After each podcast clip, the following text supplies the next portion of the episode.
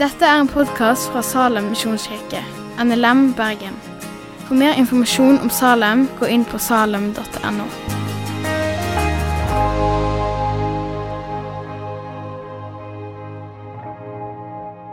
Kjære Jesus, eh, eh, vær med oss. Eh, gi Målfrid det du trenger, for hun skal få tale ditt ord til oss. Og vi ber om at du, Hellige Ånd, må komme og åpne ordet ditt for oss. Amen. Jeg er òg et følelsesmenneske, så jeg eh, blir nervøs. Og jeg eh, griner. Så ja, det kan godt hende at det skjer. yes. Eh, evangeliet etter Johannes, kapittel 5, 1-15. Etter dette kom ei av høgtidene til jødene, og Jesus drog opp til Jerusalem. Ved saueporten i Jerusalem er det en dam som de på hebraisk kaller Betesta. Rundt dammen er det fem bågeganger. Der lå det ei mengd mennesker som var sjuke, blinde, lamme og uføre. De venta på at vannet skulle komme i rørsle. For en engel fra Herren steg fra tid til annen ned i dammen og rørte opp vannet.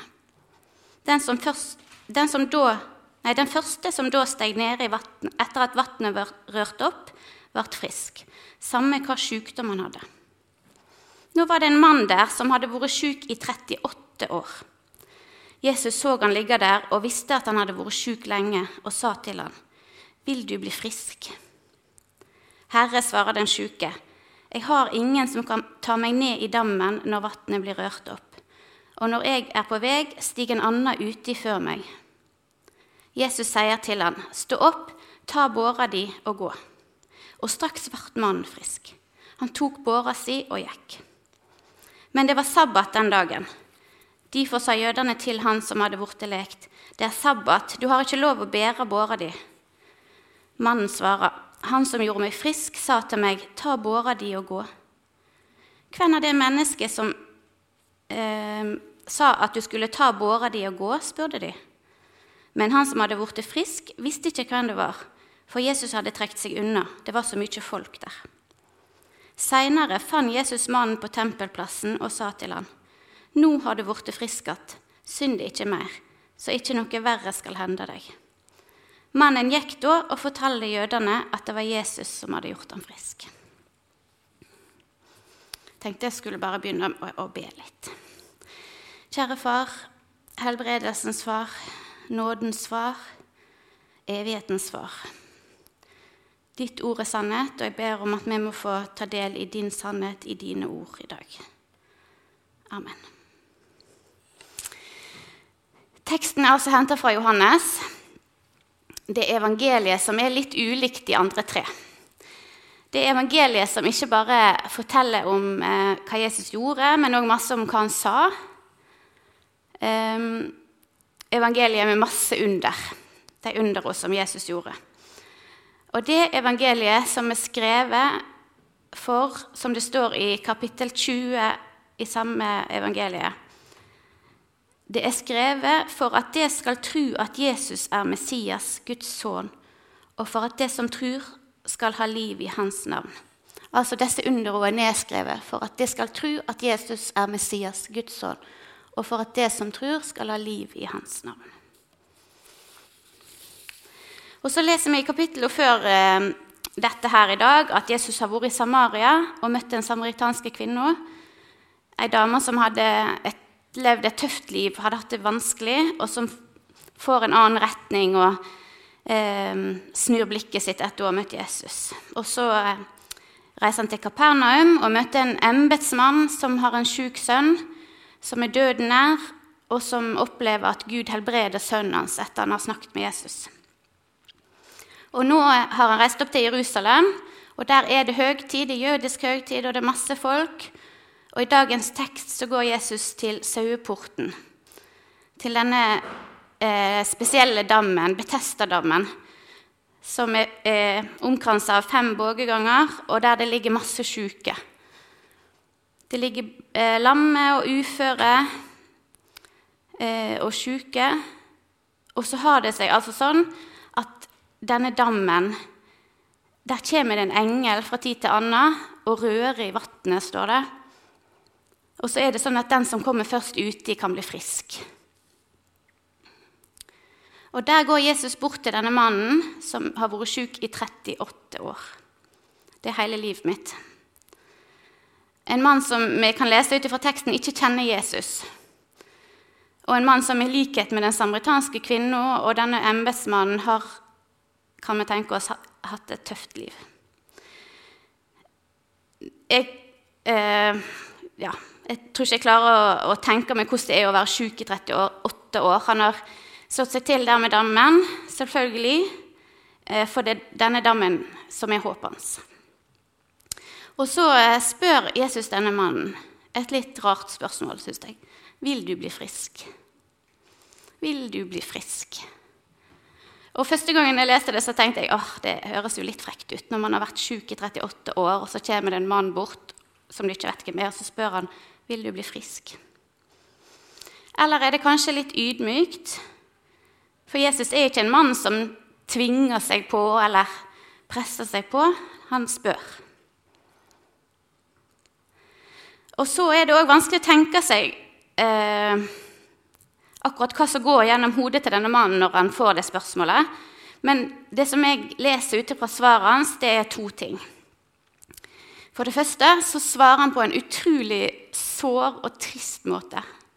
Herre, jeg har ingen. Jeg har ingen som kan hjelpe meg ut i vannet, og før jeg kommer bort, så går noen andre uti. Og det andre jeg tenker når han svarer, det er at han svarer så utrolig menneskelig. Han, han, ser på omstendighetene rundt seg. Han svarer sikkert sånn som eh, jeg ville gjort, kanskje. Og så er det nesten så jeg hører at han sier 'Ja, men Jesus'. Ja, men Jesus, jeg har ingen, og det er ingen som hjelper meg. Og når jeg eh, nærmer meg, så er det noen andre som går uti. Og jeg vet at det har vært nevnt før her fra scenen om denne her serien som heter The Chosen. Kanskje noen av dere har sett um, sett den og sett uh, denne episoden. Det er en episode fra denne um, uh, mannen med Betestadammen. Og det er en, jeg anbefaler å se den. Den er veldig fin. Um, og der er, har han som lager serien, har tatt seg noen friheter. Og han har tenkt seg til hvordan det kunne vært. Og det som er så fint i denne episoden, det er at når denne mannen svarer at 'Herre, jeg har ingen', og det, når jeg kommer bort, så går det en annen uti før meg', så er det akkurat som at Jesus nesten avbryter han litt. Og så sier han, 'Du, jeg spør ikke hvem som hjelper deg.' Og jeg spør ikke hvem som ikke hjelper deg. Og jeg spør ikke hvem som tar plassen før deg. Jeg spør vil du bli frisk. Og så er det akkurat som du ser på mannen at Oi, der våkner han, liksom. Der vender blikket sitt til Jesus. Kanskje har han opplevd igjen og igjen jeg vet ikke hvor mange ganger denne engelen, hvor ofte kommer den ned og rører i dammen. Hvor ofte har noen tatt plassen hans? Og hvor er køsystemet med Betestadammen? 38 år, det må jo snart være hans, hans tur. Men så opplever han sikkert igjen og igjen at åh, jeg rakk ikke det. Han har ingen til å hjelpe seg. Og det er ikke vanskelig for oss å skjønne at dette er blitt det viktige for han. Hva, hva andre muligheter har han? Dette er sikkert blitt heimen hans. Han sover sikkert der med dammen. Dette er blitt, altså Han må holde blikket sitt på dammen. Kommer det en engel, være klar. Dette er blitt håpet hans. Og Sånn er det med en mengde andre som ligger der. De kjenner ikke noe annet håp enn denne dammen. Jeg har ikke vært kronisk syk, og jeg har aldri eh, opplevd tapet med å ikke kunne gå. Jeg har vært syk, men jeg har ikke vært alvorlig syk. det jeg har gjort, det er at jeg har lagt på kne og bedt om helbredelse for en av mine. Jeg har ropt til Gud eh, eh, om at han må komme. Og der kom tårene. Beklager, det var jeg forberedt på.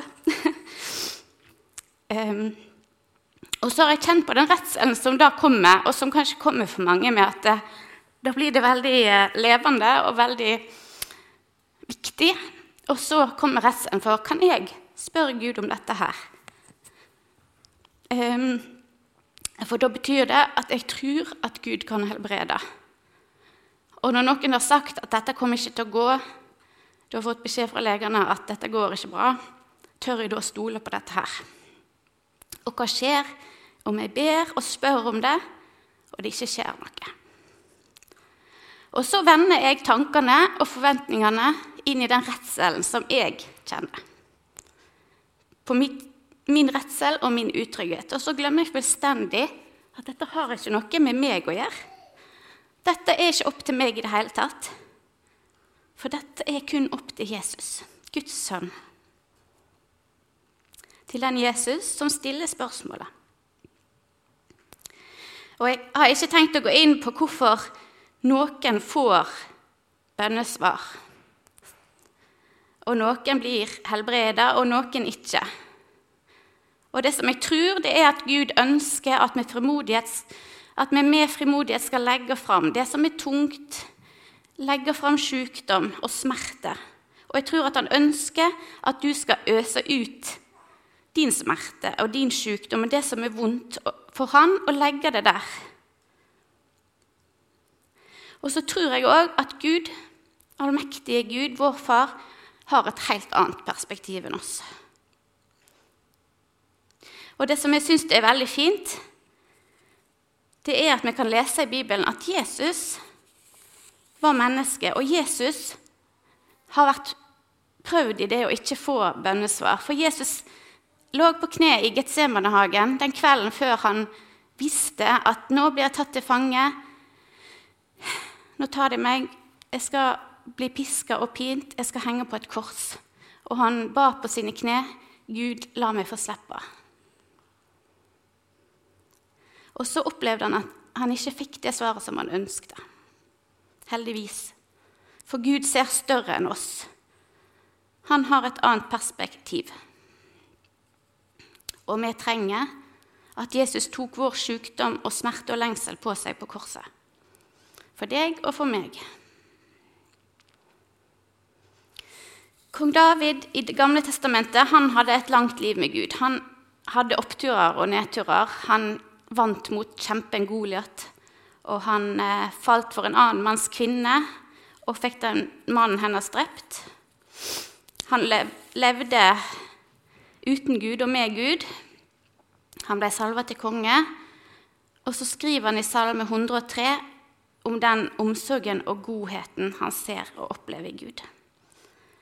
Velsign Herren mi sjel, alt som i meg er. Velsign Hans hellige navn. Velsign Herren min sjel, gløym ikke alt det gode han gjør. Han tilgir all din skyld og leker alle dine sykdommer. Han frier ditt liv for grava og kroner deg med miskunn og kjærleik. Han metter ditt liv med det gode, du blir ung att som ørna. Herren skaper rettferd. Han let alle undertrykte få sin rett. David han opplevde Guds omsorg, Guds nåde, selv om han hadde et turbulent liv. Og så tror jeg at verden lærer oss å leve, leve med å vente og lengte. Verden forteller deg at du trenger mer, du trenger noe annet. Du er ikke god nok som du er. Se på han eller se på hun. Hun har det som du gjerne ville hatt. Hvis du bare kunne hatt det, eller Og så tror jeg at vi mange ganger trenger litt hjelp til å snu blikket. Litt vekk fra den retningen som vi så lett setter oss fast i, og litt over på Jesus. Ikke fordi at Jesus ikke vil helbrede deg hvis ikke du ser på ham, for denne mannen med Betestadammen han kjente ikke Jesus. Han visste ikke hvem Jesus var, men ble likevel helbreda. Men jeg tror at om du snur blikket ditt litt mot Jesus, så vil du som David oppleve at det er det beste for deg. Så vil du se Guds godhet og Guds nåde. Så kan Han fri ditt liv fra grava og krone deg med miskunn og kjærleik. Han som vil det beste for deg.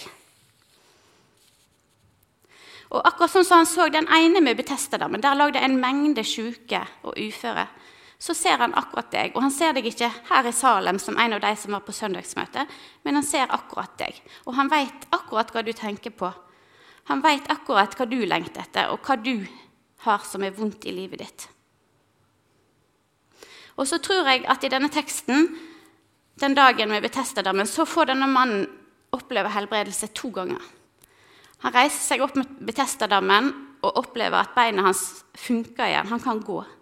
Og Kanskje blir det litt sånn forvirring. Jesus forsvinner i folkemengden, står det.